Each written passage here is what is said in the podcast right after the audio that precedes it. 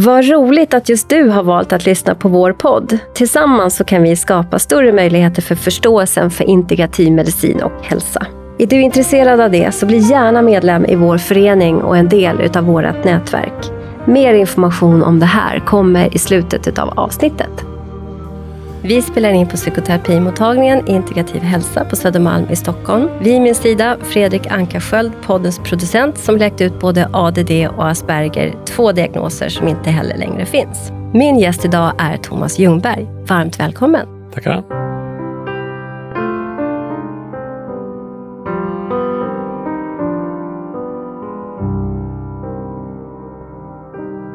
Thomas, du är legitimerad läkare, docent i farmakologi och hjärnforskare. Din docentur är förlagd på Karolinska institutet och du har hållit en hel del kurser i vetenskapligt arbetssätt, bland annat här på mottagningen, men framför allt i, Sörmlands, eh, i Region Sörmland. Vi känner ju varandra, det känns som vi känner varandra ganska väl vid det här laget. Vi har, du har eh, varit med och föreläst i två av våra seminariesatsningar, ADHD och depression. Och det var i samband med ADHD som vi lärde känna varandra.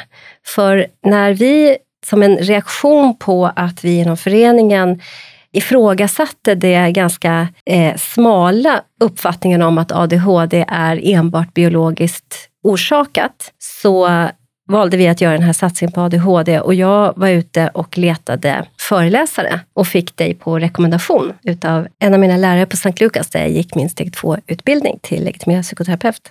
Jag kom i kontakt med dig, vi träffades i Gamla stan och eh, pratade ihop oss och jag blev ju jätteglad när du tackade ja till att vara en av våra föreläsare. Du har skrivit en bok om ADHD och den boken är ju kan man säga, en förteckning över det arbetet som du gjorde för Socialstyrelsen. Du blev inkallad eller anlitad av Socialstyrelsen som extern expert på Socialstyrelsens expertgrupp där de skulle skriva nya riktlinjer för eh, behandling av ADHD.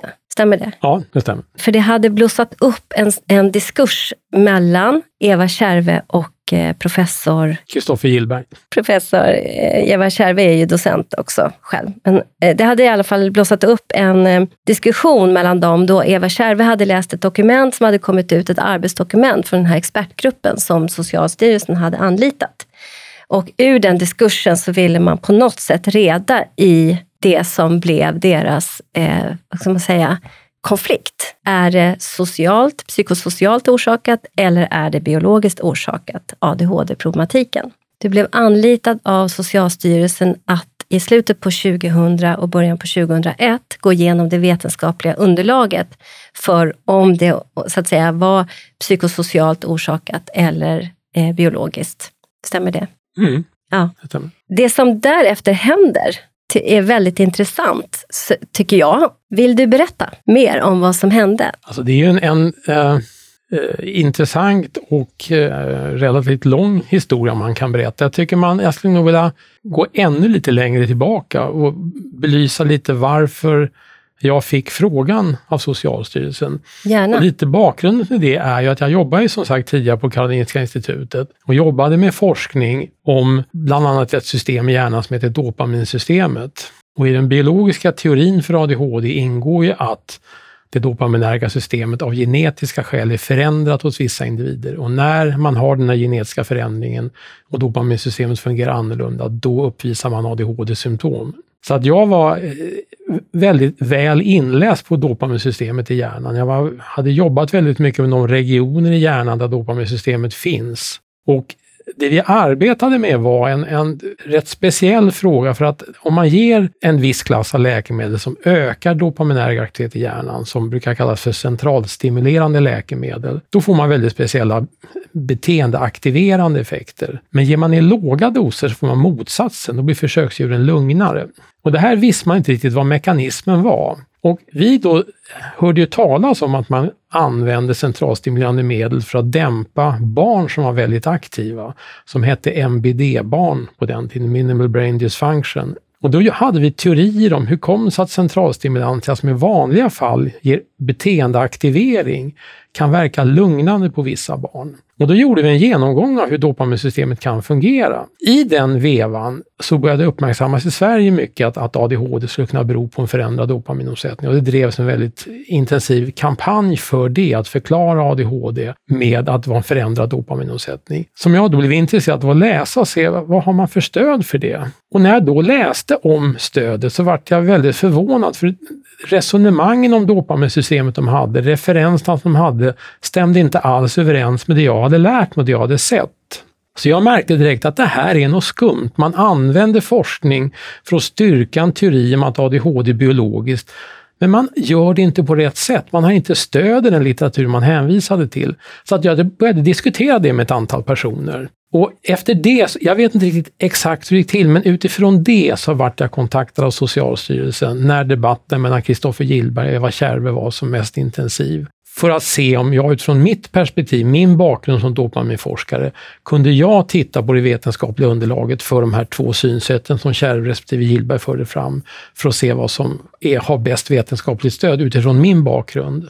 Och det som var så intressant då var ju det att jag kom fram till var att det var inte det ena eller det andra. Det var inte Kärve eller Gillberg som hade rätt, utan båda hade sina poänger.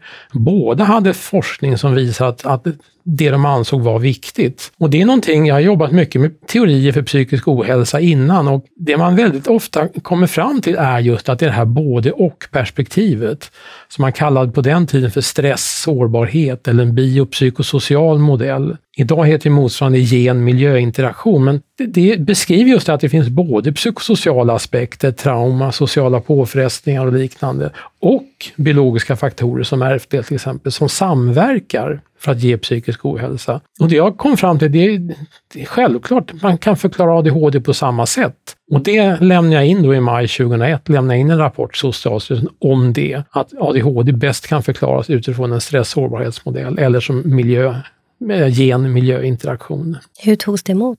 Det togs emot på det sättet att, att från den dagen jag skickade in den rapporten så klippte Socialstyrelsen all kontakt med mig. Och det uppföljande mötet som skulle hållas strax därefter, där jag skulle få presentera mina slutsatser för deras expertgrupp, ställdes in med kort varsel via ett, ett äh, brev som var underskrivet av en nära medarbetare till Gillberg och som inte är diariefört och inte går att hitta nu på Socialstyrelsen. Rapporten jag lämnade in, eh, var många som jag kände som visste om att jag hade lämnat in rapporten. Och så kontaktade Socialstyrelsen för att de ville ta del av rapporten. Men relativt snabbt så, så slutade de skicka ut rapporten. Även om det var offentlig handling och lagkrav på att ska skickas ut så skickade de inte ut den för att de sa att de kunde inte hitta den. Och det här är Socialstyrelsen vi pratar om? Detta är Socialstyrelsen. Som är ett statligt organ? Statligt organ. Och ska serva oss? Ja, med, ja, precis. Och sen hörde jag inget mer från Socialstyrelsen. Sen vart jag då eh, uppmärksammad på av andra som kontaktade mig att de inte kunde få tag i min rapport, så att jag skickade den. Jag hade ju rapporten själv, så jag skickade den vidare. Men det här var märkligt. Och det var också personer som tyckte att det var märkligt att de tog kontakt med Socialstyrelsen för att se i arkivet vilka diarieförda handlingar som fanns och inte och varför rapporten inte var diarieförd. Och då visade att, att många handlingar, till exempel inbjudan till mig var med på, på vissa av expertrummets möten, de breven gick inte att hitta heller. Diariet var tomt, så att all, alla diarieförda handlingar var försvunna. Mm. Alltså det är ju det, det är, det är faktiskt skrämmande. Att, att Socialstyrelsen gör på det här viset är jo, ju skrämmande. Det jag tycker jag är jätteskrämmande och, och skälet är ju det att de hade ju förväntat sig att jag skulle ge stöd till deras expertgrupps uppfattning att det är biologiskt. Mm. Och när jag inte gjorde det så är man ju så att säga, tvungen att, att mörka och skjuta budbären och, sortera mm. bort papperna. Men vem, är det expertgruppen då som du skulle ge en second opinion på? Eller vem är det som äger liksom en, en sån bias-uppfattning? För det är ju faktiskt en bias, att man har en, en tes om någonting som man vill föra fram och så kommer någonting annat som säger någonting annat och då, då håller man undan det. Ja, och, vem, och vem som gjorde det, det, det kan man ju bara spekulera Jag vill inte nämna några namn, men det, det, eh, det, måste ju någon ha gjort. Mm. Sen är det intressant att det här eh, har ju träffat, haft kontakt med rätt mycket journalister under tiden som har uppmärksammat det här. Mm. Och, jag också, och det var faktiskt de som tipsade mig om, de, de kontaktade Socialstyrelsen och, och bad att få diarieutdrag, det här diarienumret. Och det var de som såg att det var handlingar som var borta. För att jag hade gett dem brev med diarienummer på och så begärde de ut diariet, diariehandlingar och fick inte ut det brevet som jag hade gett dem. Det här är ju nästan eh, alltså för Uppdrag granskning eller Kalla fakta. Alltså ja, någon de, de dokument varit... inifrån skulle ju göra en, en titta på det här egentligen? Ja, de har varit i kontakt med mig. Jag har suttit hemma i mitt kök och diskuterat med personer från, från Sveriges Radio bland annat. Men de, de blir stoppade av sina chefer. Blev stoppade av sina chefer. Nej. Jo, de pratar med mig och jag har visat någon dokument. Men sen återkommer de och säger att vi får inte gå vidare med det. Okej. Och jag tänker så här, vi har ju en annan erfarenhet som vi skulle kunna ta lite som parallellt kring eh, riktlinjerna för depression och ångest ångestbehandling som faktiskt Socialstyrelsen sen blev, senare blev fälld för utav psykiatri, där man också visade på den här biasen för den, de riktlinjerna som kom fram. Och det är ju långt senare. Mm. Så att, okej. Okay. Alltså, så det finns liksom ett, ett en, en eh, outtalad uppfattning i Sverige att ADHD ska förklaras biologiskt och det får inte ifrågasättas. Och ifrågasätter man det så mörkar man det. Men varför? För att det är, vi, vi kan komma tillbaka till det. Mm. det, det mm. finns, om vi bara tittar vidare på vad som hände, för jag tycker det är lite intressant. Ja. Det är ju det att jag blev kontaktad av en doktorand från ett universitet i Sverige som, ville, som jobbade lite med yttrandefrihet och ville titta lite närmare på det här. Så att hon kontaktade Socialstyrelsen igen med det diarienummer som jag hade gett henne och fann, som journalisterna funnit, att det finns ingenting diariefört. Men hon var lite mer rakt på sak, så att hon åkte till Socialstyrelsen och och önskade få träffa deras ansvariga för diariet och sa att det här är en handling som jag har. Varför finns inte det med diariet? Och då gav sig hon ner med ansvarig diarieförare i arkivet som ligger i någon kulvert under själva Socialstyrelsen. Och efter mycket letande, så i en, vad hon beskrev som en städskrubb, hittades en kartong. Och i den kartongen låg min rapport och alla andra handlingar. Och förklaringen hon fick var att i tider när man har väldigt mycket att göra så är det acceptabelt att lägga undan handlingarna för att senare kunna diarieföras. Och det skyllde diarieföraren på att det var det som hade hänt. Och då hade det gått flera år sedan. Diarieför man sen de här handlingarna då? I efterhand eller ja, igen så att säga? Eller? Det som hände är ju att den rapporten som jag skrev, jag skrev den under tidspress när man kanske inte alldeles jätteväl genomarbetad, men efter några år så fick jag mycket propåer på att, att du måste skriva en bok om dina slutsatser. Så att då skrev jag en bok, ADHD i nytt ljus, som kom 2008. Och sen gick det ju massa år och då hörde jag kommentarer att, att den, den, boken inte är relevant längre för det har hänt så mycket i ADHD-forskning så att inte, data som står där är inte aktuellt. Och i samband med covid-nedstängningen i Sverige så tänkte jag att nu ska jag gå igenom data igen, för jag har ju följt forskningen under tiden. Jag vet att det stämmer ju inte, utan om något så har ju forskningen än starkare visat att det är annat än biologiska faktorer som är viktiga för ADHD. Så att jag gjorde en förnyad litteraturgenomgång 2012, nej 2021 och då var jag också i kontakt med Socialstyrelsen och bad att få veta vad som hade hänt med min rapport och det här diarienumret, vad som hände. Och då visade det sig att när den här doktoranden och journalisten har gjort, eh, kontrollerat diariet, då fanns diarienumret kvar och det fanns några handlingar i det, men inte alla handlingar det som kallas för, för eh, pappersarkivet. Nu när jag gjorde undersökningen så var en diarie, gick ner och letade i diariet och då är allt bortstädat. Det finns inte någonting kvar. Diarienumret är tomt. Men det är ju, det är ju horribelt. Det, det, är faktiskt inte riktigt klokt. Jag, jag vet ju om det här lite grann. Vi har ju haft, eh, vi känner varandra som, som sagt och du har ju också varit min handledare på min, eh, min uppsats om när jag blev färdig legitimerad psykoterapeut. Där jag också fick möta på motstånd. För att just eh, ADHD har ju, vi har ju problematiserat det här på seminariet också när vi diskuterade eh, en rapport som kom 2017, att eh, ADHD har ju samma symptom som stress och trauma och, mm. otrygga anknytningsmönster.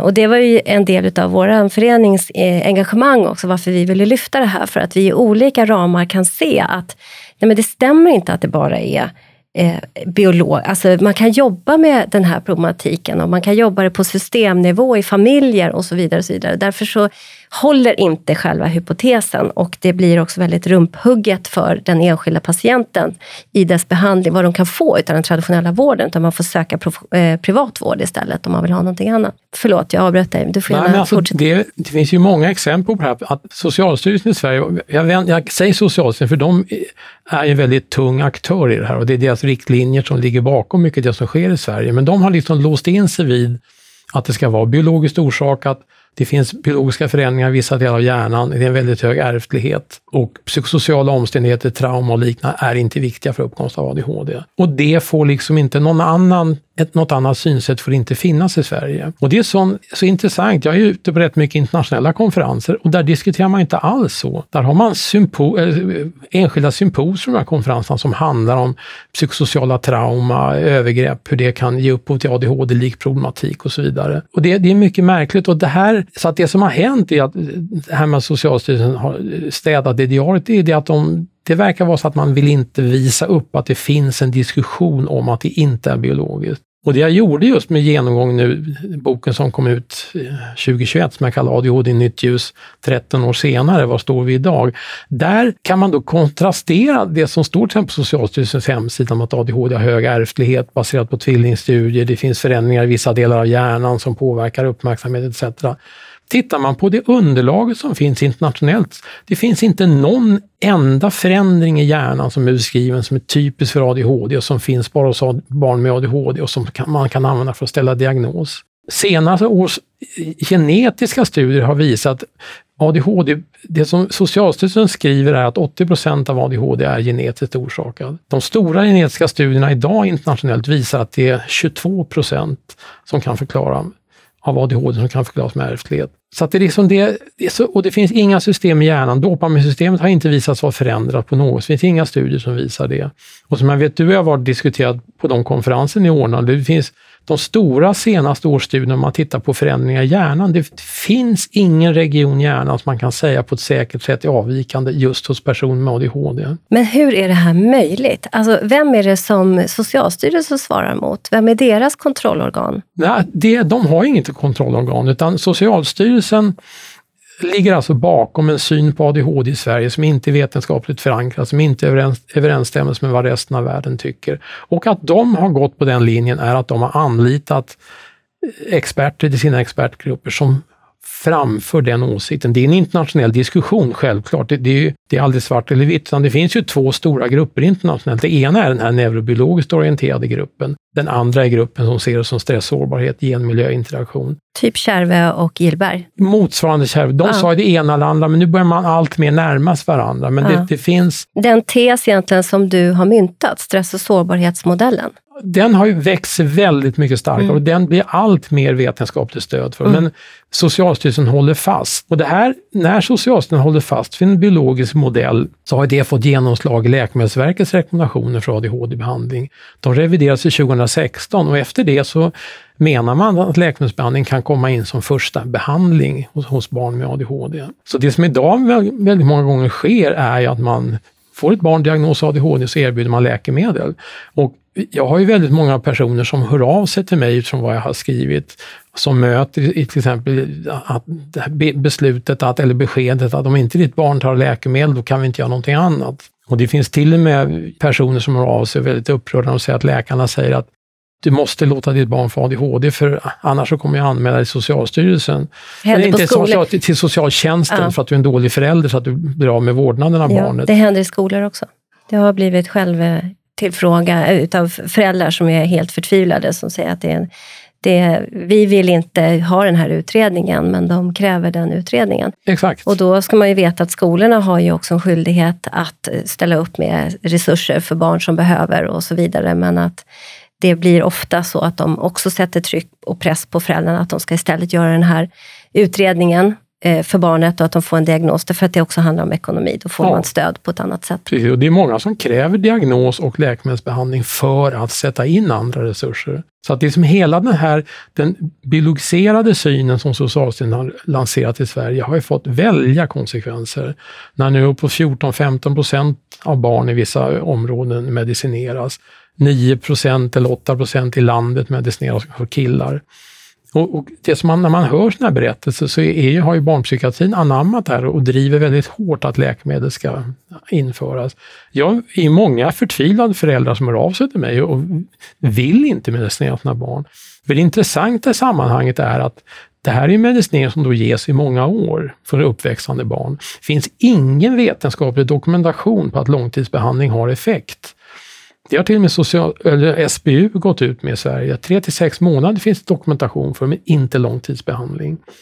Cochrane-institutet i England har lyft fram samma sak. Finns inga långtidsstudier som visar att det är bra på sikt att behandla barn med centralstimulerande Och, och vi ser ju att det finns en hel del biverkningar. Precis. Det är hjärt-kärl, längd, tillväxt, ja. utveckling på olika sätt. Det finns barn som, som till och med kan få problem med hjärtat efter ja. att de har stått på de här läkemedlen och så vidare. Så det är, inga, det är inte icke-potenta läkemedel som vi pratar om. Exakt. Det har utvecklat sig till att bli liksom en study drug som redan var i USA, som Nora Bateson som, som modererade våra, vårat seminarium.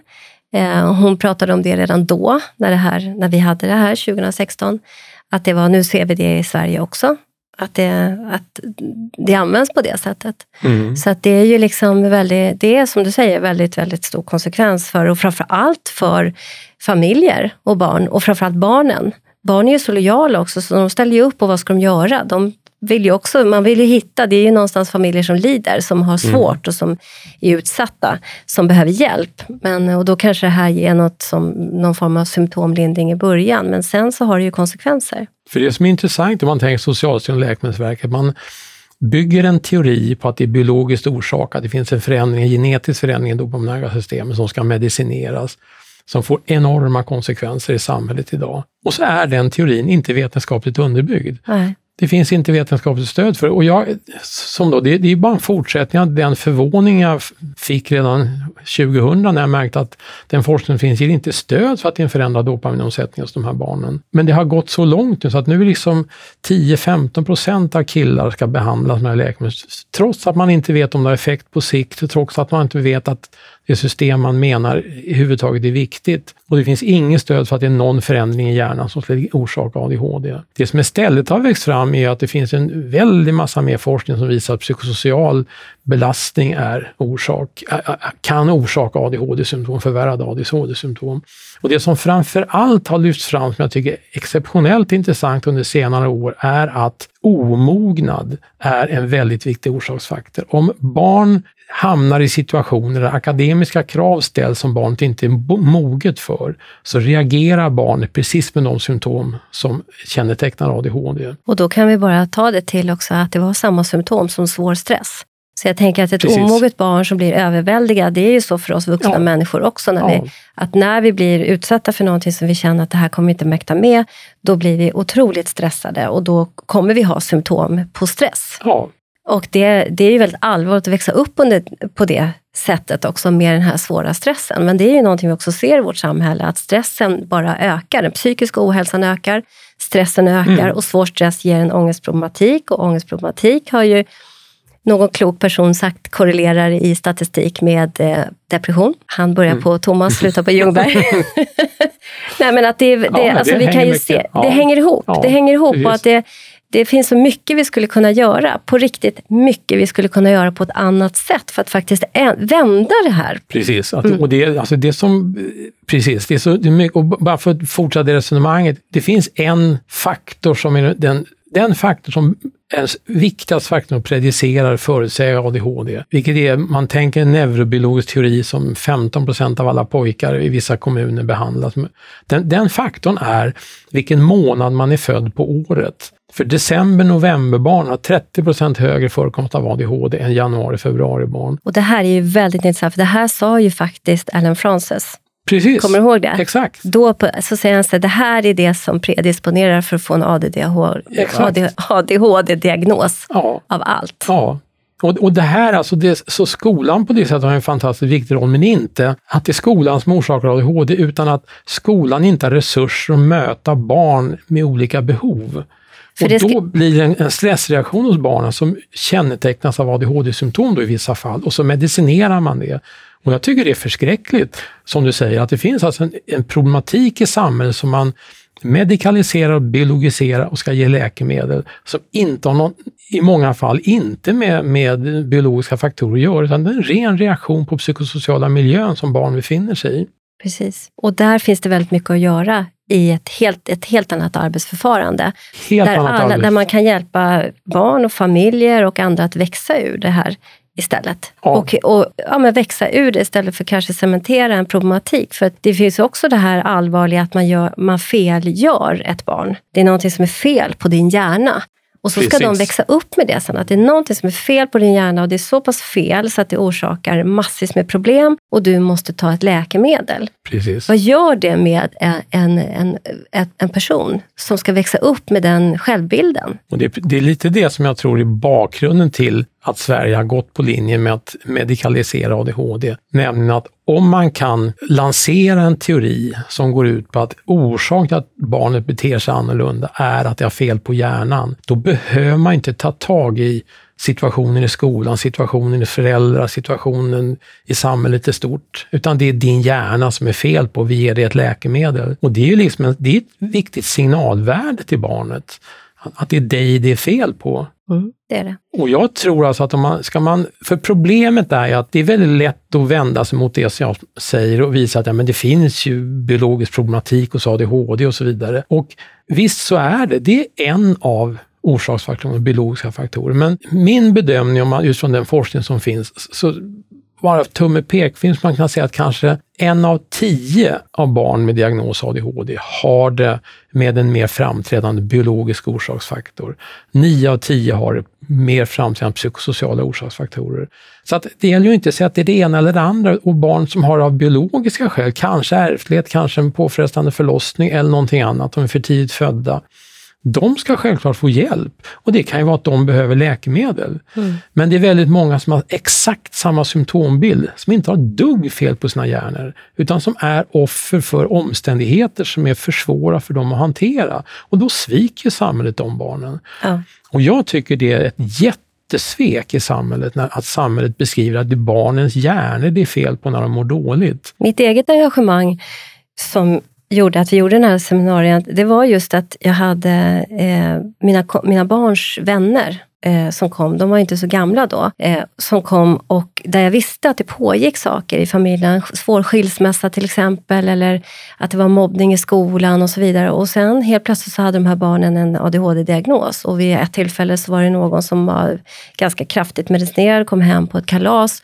Och där, den, det barnet stod och höll mig i byxorna hela kalaset för att det var så otäckt det som pågick på inre bana hos det här barnet. Jag hade ingen aning om att det ens var medicinerat under det här. Jag fick inte ens veta det eh, eh, förrän barnet själv berättade. Att det, att det går lättvindligt, att man inte ser, att man inte liksom förstod de här andra bitarna runt omkring. Och jag då som psykoterapeut tänker att herregud, det här är liksom det här är helt fel sätt att att liksom ha- hantera den här problematiken, i alla fall hos de barn som jag mötte.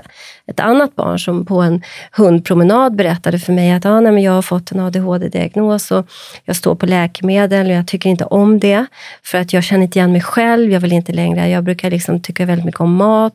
Jag är, gillar att hoppa i, i studsmattan. Jag gör ingenting av de här sakerna och mina kompisar säger att de inte känner igen mig. Det är jätte, jättejobbigt. Och, s- och så vidare och så vidare. Så där det liksom kommer utsagor. Det är inte, jag tänker att vare sig du eller jag säger att det inte ska finnas, precis som du säger, att den här hjälpen ska ju finnas, men det ska liksom det ska problematiseras i väldigt mycket högre utsträckning och andra eh, jag tänker på den uppsatsen som jag själv skrev, där du var eh, min handledare. Där det, så att säga, vi jag hade en, en mening som är sådär att det spelar ingen roll huruvida det är biologiskt eller inte.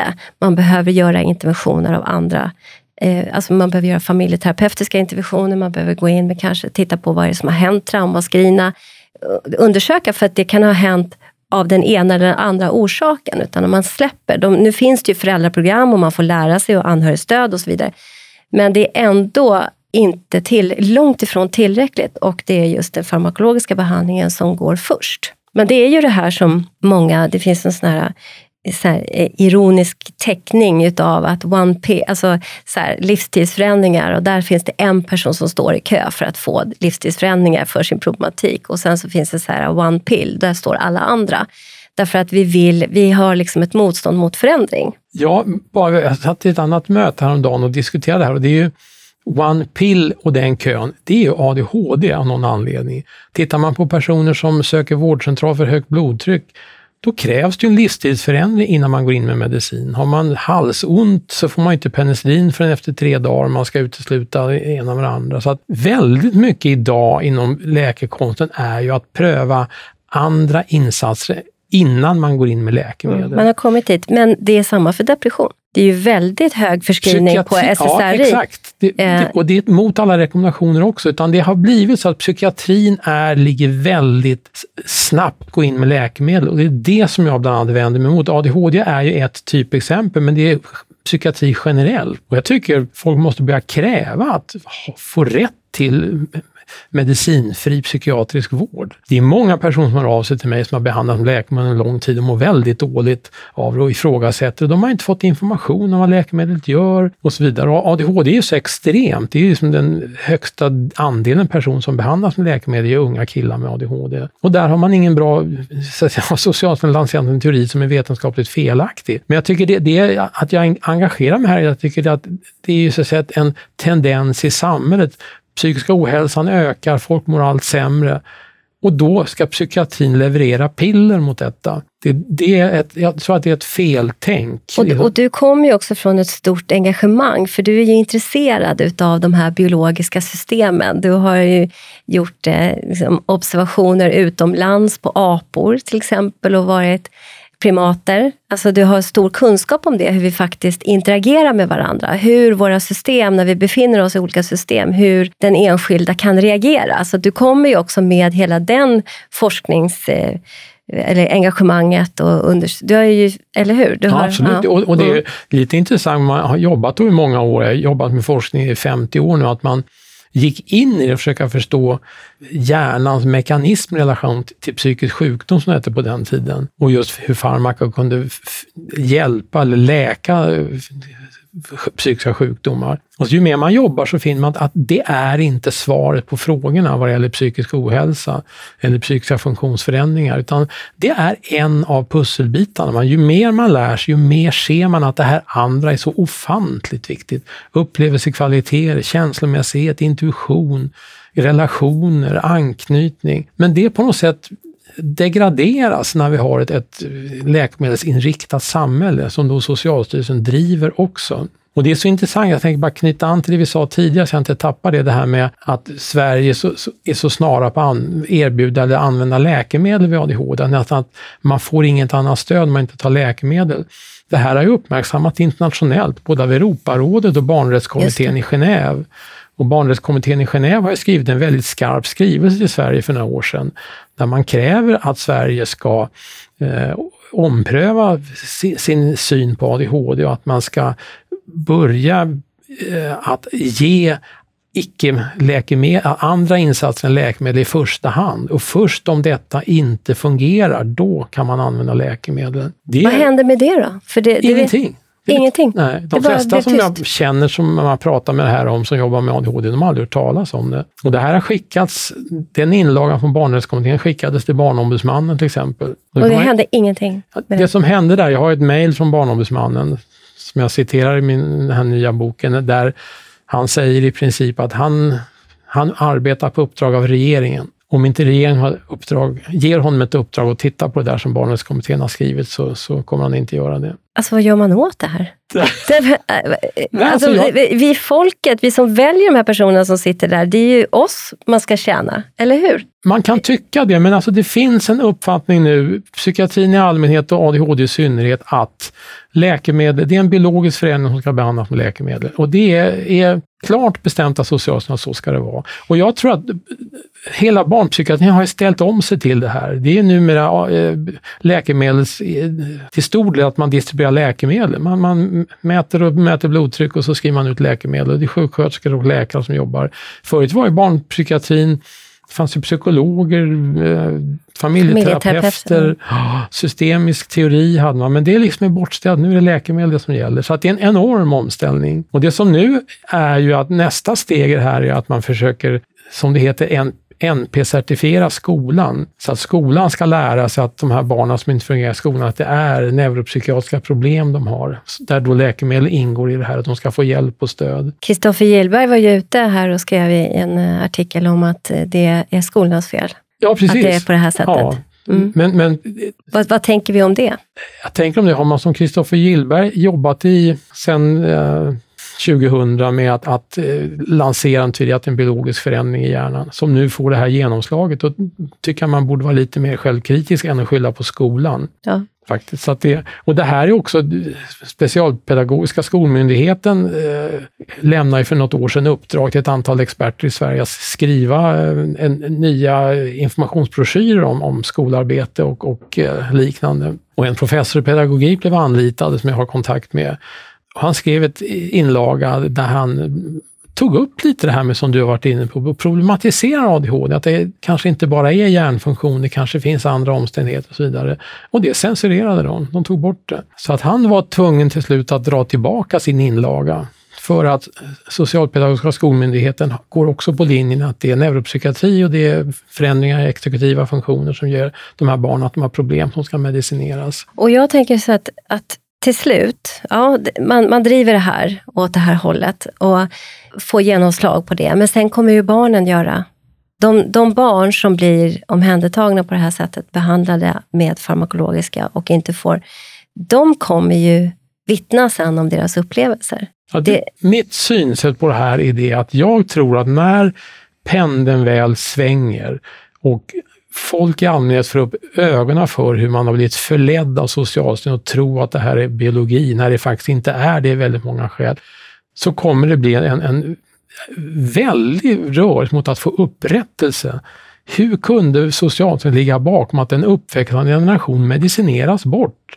Liksom tappar sin ungdom genom att de går på mediciner som de inte behöver det kommer bli en väldigt räfst och rätteting tror jag av det här. Jag tror att det kommer bli alltså en debatt motsvarande kanske den här steriliseringsdebatten och liknande, som den här rasbiologidebatten. Hur kunde man tro att det fanns någon förändring i hjärnan som ingen kunde visa, som ska leda till massmedicinering av läkemedel som inte har visat sig effektiva på, på lång sikt. Nej, precis. Det tror jag också att det kommer, det kommer ju bli det. Och, och, frågan är varför vi inte har lärt oss. Vi är ändå 2022. Varför såna här ensidiga eh, uppfattningar om att, det, att vi inte kan hantera komplexitet bättre? Det är jätteintressant. Det, ja. det ska bli spännande att se var det som kommer svänga och när det kommer svänga. För att det svänger, det är jag övertygad om. Mm, ja, ja. En förhoppning är ju att en, en uh, intresserad och kunnig allmänhet ställer krav. Mm. Och, äh, ja, vi, nu sitter vi på en privat uh, psykoterapimottagning och, och, det jag ska säga är framförallt ur min egen bekantskapskrets. Men jag lever i uppfattningen att det redan har vänt. Men nu när du berättar det här så har det inte gjort det. Men människor, föräldrar runt omkring mig säger att nej men vi, ja, vi vill inte utreda och vi ville inte medicinera. Vi ville ha det på ett annat sätt. Vi tog hjälp av det här. Och sen har man olika ingångar vad som passar familjen bäst. Om man söker familjeterapi eller om man ser över kosten eller ser till att barnen tränar ordentligt. Anders Hansen har ju haft, alltså, var ju ute och pratade just om fysisk aktivitet. Han var ju också en del i vår seminarieserie, pratade där. Att man liksom försöker hantera situationen på andra sätt. Mm. Och att, att det liksom... Men jag vet inte, jag kan ju sitta liksom i en grupp av människor som tänker som jag.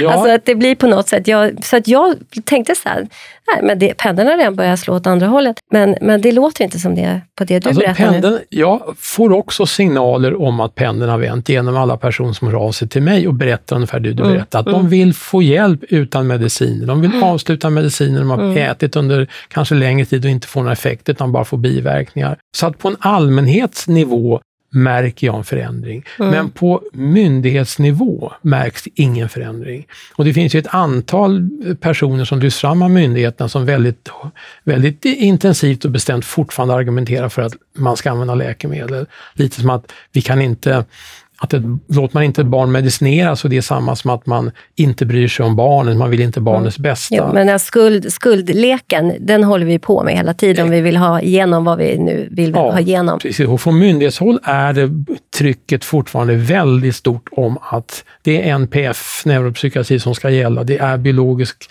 orsak, att samhället har ingen orsak i uppkomst av problematiken och det ska medicineras. Och så att förhoppningen är att personer i samhället inte går på det här längre, utan inser att det, är liksom, det, det, stämmer inte det man säger. Det är ingen biologisk förändring i hjärnan som orsakar ADHD. Det kan vara det i vissa fall, men inte i alla fall. Det finns inte men sen är det ju, Jag vet att du och jag pratade om det vid något tillfälle, att om man gör såna här hjärnskanningar av människor som är traumatiserade eller har svår stress och så vidare, så kan man se upp, visa samma eh, mönster som man såg i den här artikeln från 2017.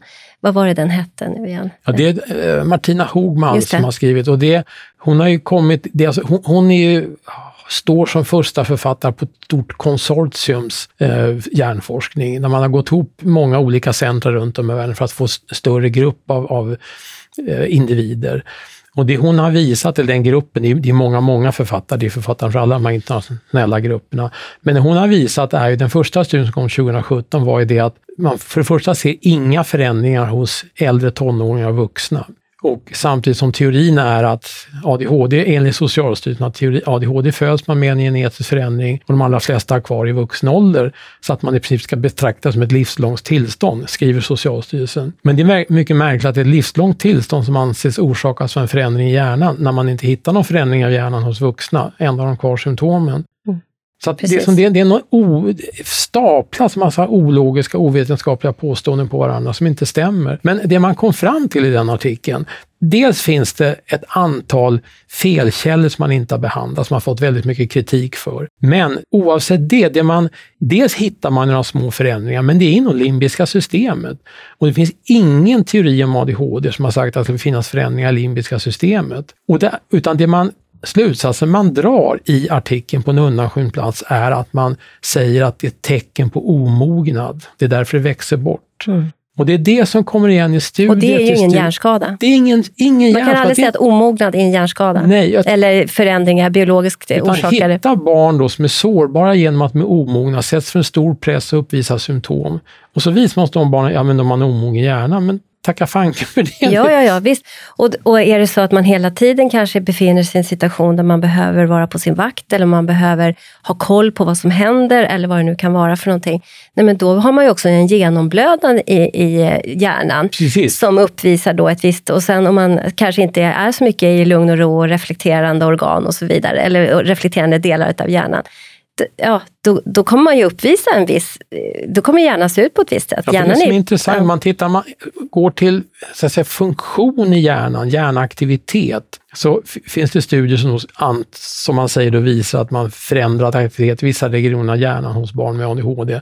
Men tittar man på de studierna så alla de delar av hjärnan som man vissa då menar skulle vara förändrade, det är funktionella förändringar som man också ser hos individer som utsätts för svår stress. Och, så att både svår stress ger dels samma beteendesymptom, okoncentration, överaktivitet och så vidare, men också samma typ av förändring i hjärnan. Och tar man bort stressfaktorn, jag, jag, tror inte det finns någonting kvar. Nej. Och, det är det, och då kan vi ju titta på utifrån ett, alltså ett, ett psykoterapeutiskt perspektiv, att har vi en en, ett system där barnet befinner sig i, om det nu är familjen eller om det är skolan eller om det är vänskapskretsen, var det nu är någonstans där det pågår saker och man är stressad över tid. Det vet ju vi att det har liksom effekter på andra delar av kroppen. Om, om vi liksom går med en väldigt långvarig stress till exempel, ja, men då kommer vi kortisol mönstret börjar se annorlunda ut och vi kanske uppvisar ett blandat kortisol på senare tid alltså, och mm. så vidare. Alltså det händer saker i vår kropp, så varför ska det inte hända i hjärnan ja. också? Det, det, ja, och det som blir så obegripligt är att det är kunniga, intelligenta, välutbildade människor som på något sätt inte ser de här mönstren, eller åtminstone inte vill prata om de här mönstren. Utan att man framhåller ganska ensidiga eh, liksom, orsakssamband. Som det, jag får liksom inte ihop det. Det finns ju ändå väldigt, väldigt kunniga människor i det här landet. Mm. som Mm. borde kunna göra de här, där det kan komma från olika håll, att man ändå problematiserar. Ja, å ena sidan, här kan vi se att det finns en biologisk, därför att, jag vet att du pratar någon gång om ICD 10, att där finns det ju, vad heter den eh, diagnosen där Komplex PTSD. Ja. ICD-11 kommer den in i. Ja, okej. Nej, men, jag, och, men jag tänkte på just den här där man kan se eh, finmotoriken i störd från början, där man faktiskt kan säga att det finns en ADHD-problematik. Ja, ja Alltså, du menar den. Ja, just det. Uh, hyperkinetiskt syndrom. Just det, precis. Att där, alltså, å ena sidan, det här finns, men å andra sidan, i det här fallet så har vi liksom en, eh, samma symptomer, men, symptom, men vi har, kan inte eh, uppvisa det här. Och så, och så problematiserar man det. Och vi har olika infallsvinklar. Vi gör som vi gör i andra, apropå evidence-based Mm. medicine, som du och jag ska prata i, i ett, ett annat avsnitt. Att man liksom eh, ha, som är gemensam detektiv framåt och försöker olika sorters behandlingar för att på något sätt hjälpa den enskilda patienten. Jag tycker det, om man nu ska prata ytterligare illa om Socialstyrelsen, och Socialstyrelsen har förlett svenska folket, så är det här med ICD-10 tycker jag är väldigt intressant när du tar upp det, som jag vill utvidga det lite. I ICD-10 finns en diagnos som inte är ADHD utan som brukar kallas för hyperkinetiskt syndrom, som är det ingår ouppmärksamhet, överaktivitet och impulsivitet, det vill säga samma delar som ingår i ADHD. Men det krävs att det finns skattning, skattningar av alla de tre delarna och alla tre symptomkomplexen ska vara uppfyllda. Plus att det måste vara två oberoende personer som skattar och kommer fram till samma sak. DSM-systemet, amerikanska psykiatriska sällskapets system som har infört diagnosen ADHD, de har ju att det kan vara antingen överaktivitet, impulsivitet eller ouppmärksamhet. Och det ska vara en, räcker med en observatör. Så det här gör att ICD, det brittiska eller WHO-systemet ICD-10 är mycket, mycket striktare. Så att ungefär en av tio av de som har ADHD enligt det amerikanska systemet har också ADHD enligt ICD-systemet. Men intressant är att ADD finns inte med. ADD fanns i DSM-3 fram till 1987 och försvann av det när DSM-3R kom 1987. ICD-systemet har fört ett resonemang i ICD-10 om att det skulle kunna finnas personer som framförallt har bristande uppmärksamhet, men man menar att det finns för dåligt vetenskapligt stöd som vill ta bort diagnosen ADD, utan de har bara den här hyperkinetiskt syndrom. Och ändå så gör man, sätter man de diagnoserna på människor Jo, och då, precis. Och då, en stor fråga har ju varit hur ska man översätta DSM-diagnostik ADHD till ICD-diagnostik? För det som är problemet är i landstingssystemen eller regionsystemen så är det ICD-systemet man använder man journalför. Men man ska ställa diagnos ADHD i DSM-systemet. Och det är en väldig problematik att överföra. Men det, det som är intressant är, och då finns ju, tittar man i ICD-10 i Sverige så finns ADD med som diagnos. Och det finns också DAMP med som diagnos i ICD-systemet. Om man då går och tittar, jag har varit i kontakt med Socialstyrelsen, och går man och tittar i ursprungsmanualen, den, den WHOs ursprungliga manual på engelska, så finns inte ADD och inte DAMP med. Tittar man i det som kallas för den svenska översättningen, finns de tillagda i diagnoserna. Så Socialstyrelsen har alltså gått in och lagt till diagnoser i WHO-manualen för att få med det neuropsykiatriska synsättet lanserat av Gillberg, där ADD och Kan, får man DAMP göra så? Socialstyrelsen anser att man har rätt att nationellt anpassa systemet. Men det här är ju en ren förvanskning av vad, för ICD säger att vi ska inte använda ADD för att de menar att det finns inte vetenskapligt underlag. Ändå läggs det in i Sverige. Jag har försökt ta reda på via Socialstyrelsen vem som har lagt in det. Och det kan man inte redogöra för. Det är också väldigt speciellt. att man Någon inte har för, kuppat in det. och, då ska, och då får man inte veta vem det är. Det är, det är ju väldigt Och speciellt det är en diagnos som sättet. ofta används. När jag är ute och föreläser och när man säger att ADD finns inte som diagnos. Men Nej. min son har ADD. Ja, men det är för att Socialstyrelsen har lagt till den diagnosen. Då kan jag ju lägga till, om man tittar då på diagnosen ADD som Socialstyrelsen lagt till, då har jag skrivit socialt och bett att få reda på hur ska man ställa den diagnosen? Vilka diagnoskriterier ska man använda? Det kan man inte redogöra för. Utan man anser bara att ja, men, den diagnosen finns bara för statistikens skull. Jo, det jag kom på är att vi har ju människor som lider. Alltså vi har ju familjer som är väldigt, väldigt eh, liksom belastade. Och då, när man går till, alltså jag tänker på alla de här människorna som vi har kunnat hantera hur som helst i psykiatrin med liksom en idé om att, att det här ska vara hjälpande på något sätt. De gör ju det vi säger till dem att göra, för att lidandet är så stort. Alltså de har inte kraft och energi eller tid att göra de här reflektionerna eller att kräva eller att göra det därför att det är så, så, så belastande, det som pågår. Mm. Och, och det, det är först sen när man kommer ur det, det är därför jag tänker att det är barnen som kommer förmodligen börja ställa liksom, frågorna. Hur kommer det sig att det var jag som skulle, ni höll ju på med det här, eller vad det nu kan vara för någonting som... Ja, för utsatta människor, dels ska ju då personerna hantera sin egen ohälsa. Ja må, må dåligt, kanske ha ångest, kanske andra typer av problem och liksom bara överleva. Förutom det ska man då ha möjlighet att ifrågasätta myndigheternas syn på orsak till deras ohälsa, hur man ska behandla och bemöta det det blir nästan övermätt om, om man mår väldigt dåligt och har problem och möts av en, en, en myndighet som styr sjukvården som säger att, att det beror på att du har fel i din hjärna. Det är jättesvårt att kunna sätta emot det. Ja, nästan till omöjligt. Nästa, det blir nästa gång, så Därför tycker jag det är ofantligt viktigt att veta och sprida information om att det är en ren myt att all ADHD är biologi. Likaväl som depression, det är inte heller biologi. Det finns inget serotoninsystem som sviktar vid deprimerade personer. Det kan finnas i vissa enskilda fall som kan ha väldigt god effekt av, av läkemedel som ökar serotoninomsättningen i hjärnan. Men i många fall är det inte så. Det är en ren schablon att ge dem, skriva ut SSRI-preparat vid första mötet. Och det är det här som jag jag tror att det, det måste bli en medvetenhet om det här psykisk ohälsa. Det är så väldigt mycket mer än kemi i hjärnan. Kemi i hjärnan är en faktor som vi ska känna till, men det finns så väldigt mycket mer. Och det är det som jag hoppas att medvetenheten ska öka mer om det, att, att vilka begränsningar det är att tro att människan är någon form av robot som man ska ändra hjärnkemin för att man ska må bra. För det tror jag, det har nått vägs ände.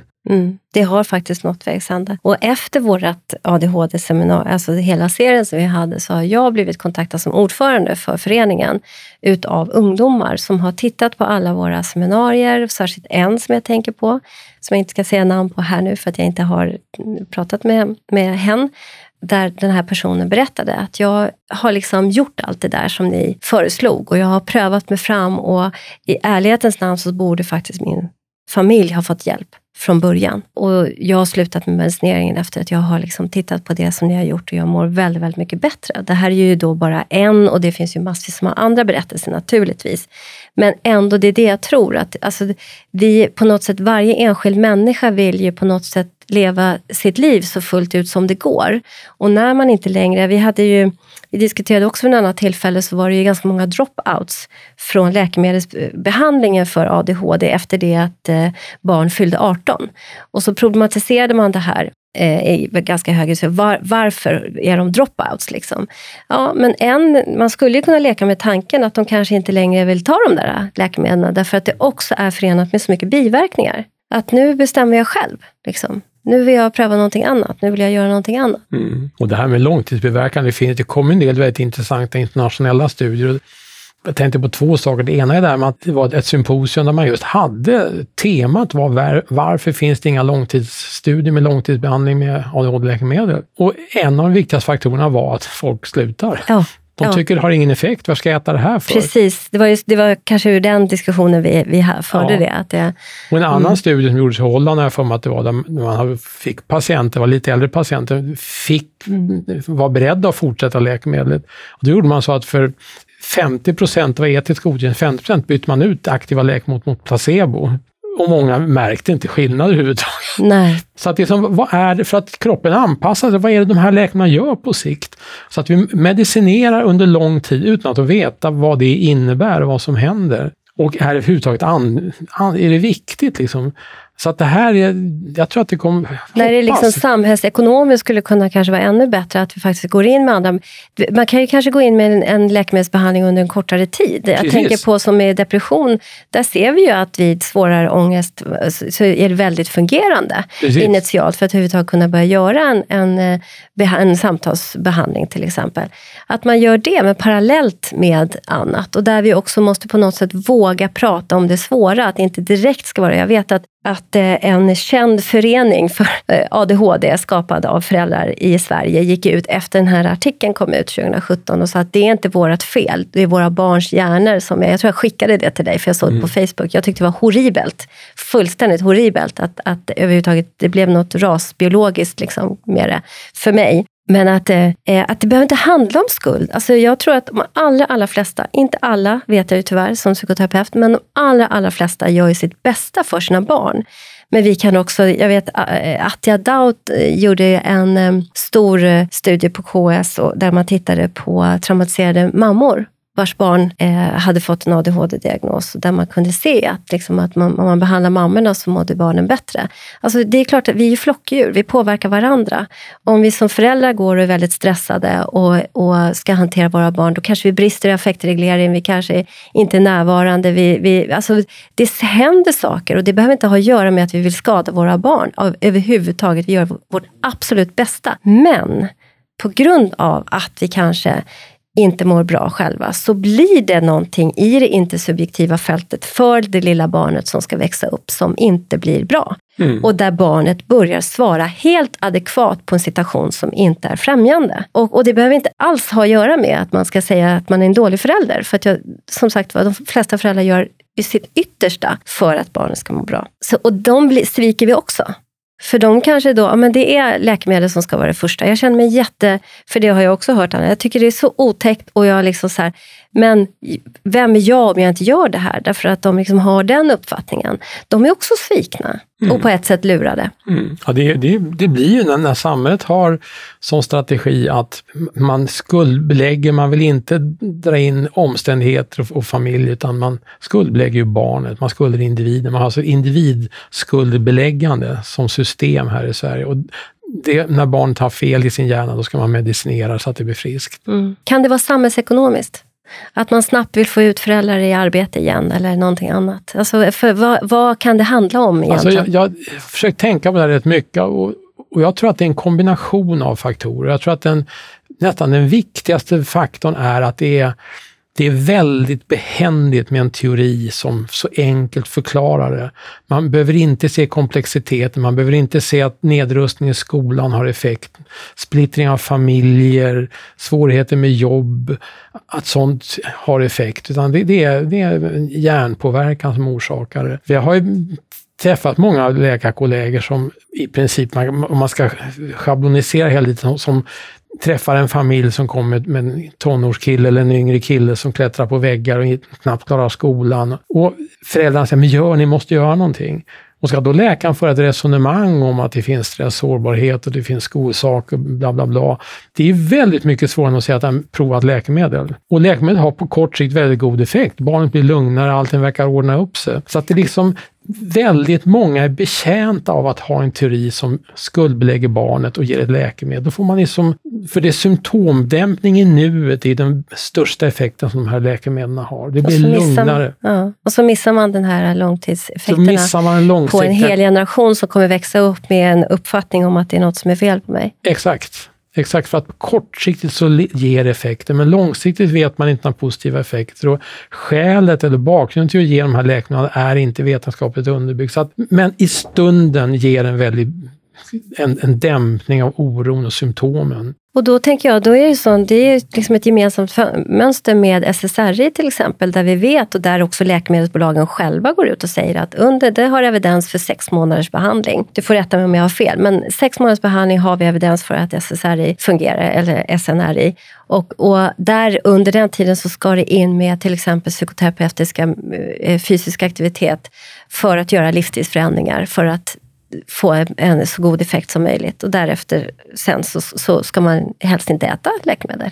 Men alltså, det, även där börjar så den internationella, internationella forskningen ändras lite. Det var ett väldigt intressant symposium på en stor konferens i höstas just vad gäller SSRI. För det man har visat är att SSRI eller man, om man backar, det man har visat är under depression så lever man under svår stress. Och svår stress leder till att hormoner i hjärnan som främjar tillväxt av hjärnvävnad, de går ner så att man får tillbakabildning, får sämre synapsbildning. Om man ger SSRI så ökar man hjärnans möjlighet till att igen bli plastisk och kunna förändra sig rent neurobiologiskt. Om man under den perioden med ökad plasticitet förser individen med någonting som kan hjälpa individen att hantera sin situation, stresshantering, psykoterapi, sociala interventioner, IPT eller någonting sånt där, då får man väldigt positiva effekter. Men om individen är kvar i sin stressade situation under den här när fönstret öppnar sig och ingenting händer, då låses individen och det blir sämre prognos i framtiden. Och det är helt logiskt.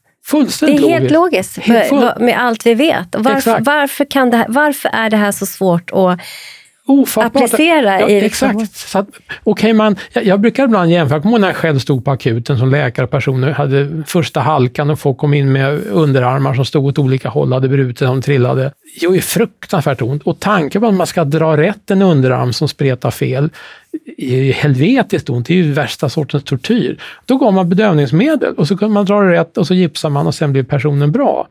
Så att läkemedel är en fantastisk hjälp när det finns svårigheter som man måste ge någonting som man inte riktigt klarar av.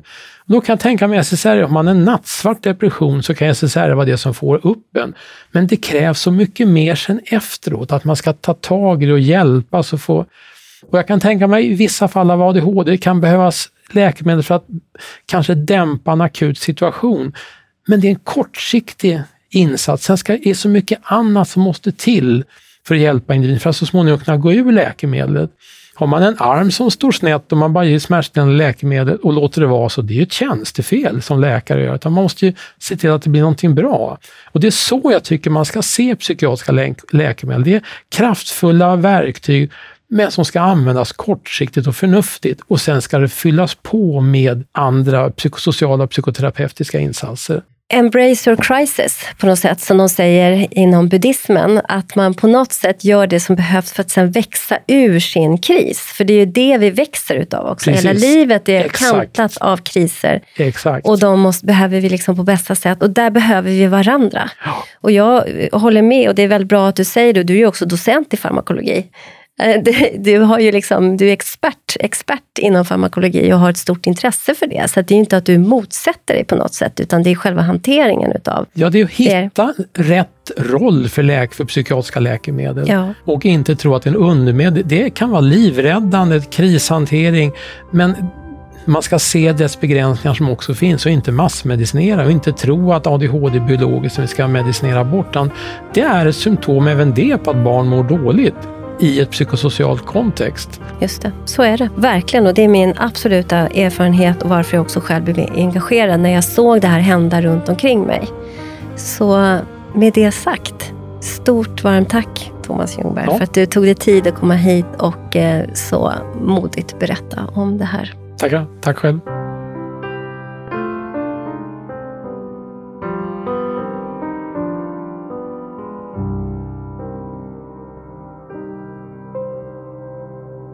Både och istället för antingen eller, en podd om integrativ medicin och hälsa är skapad och drivs av Svensk förening för integrativ medicin och hälsa, FIM.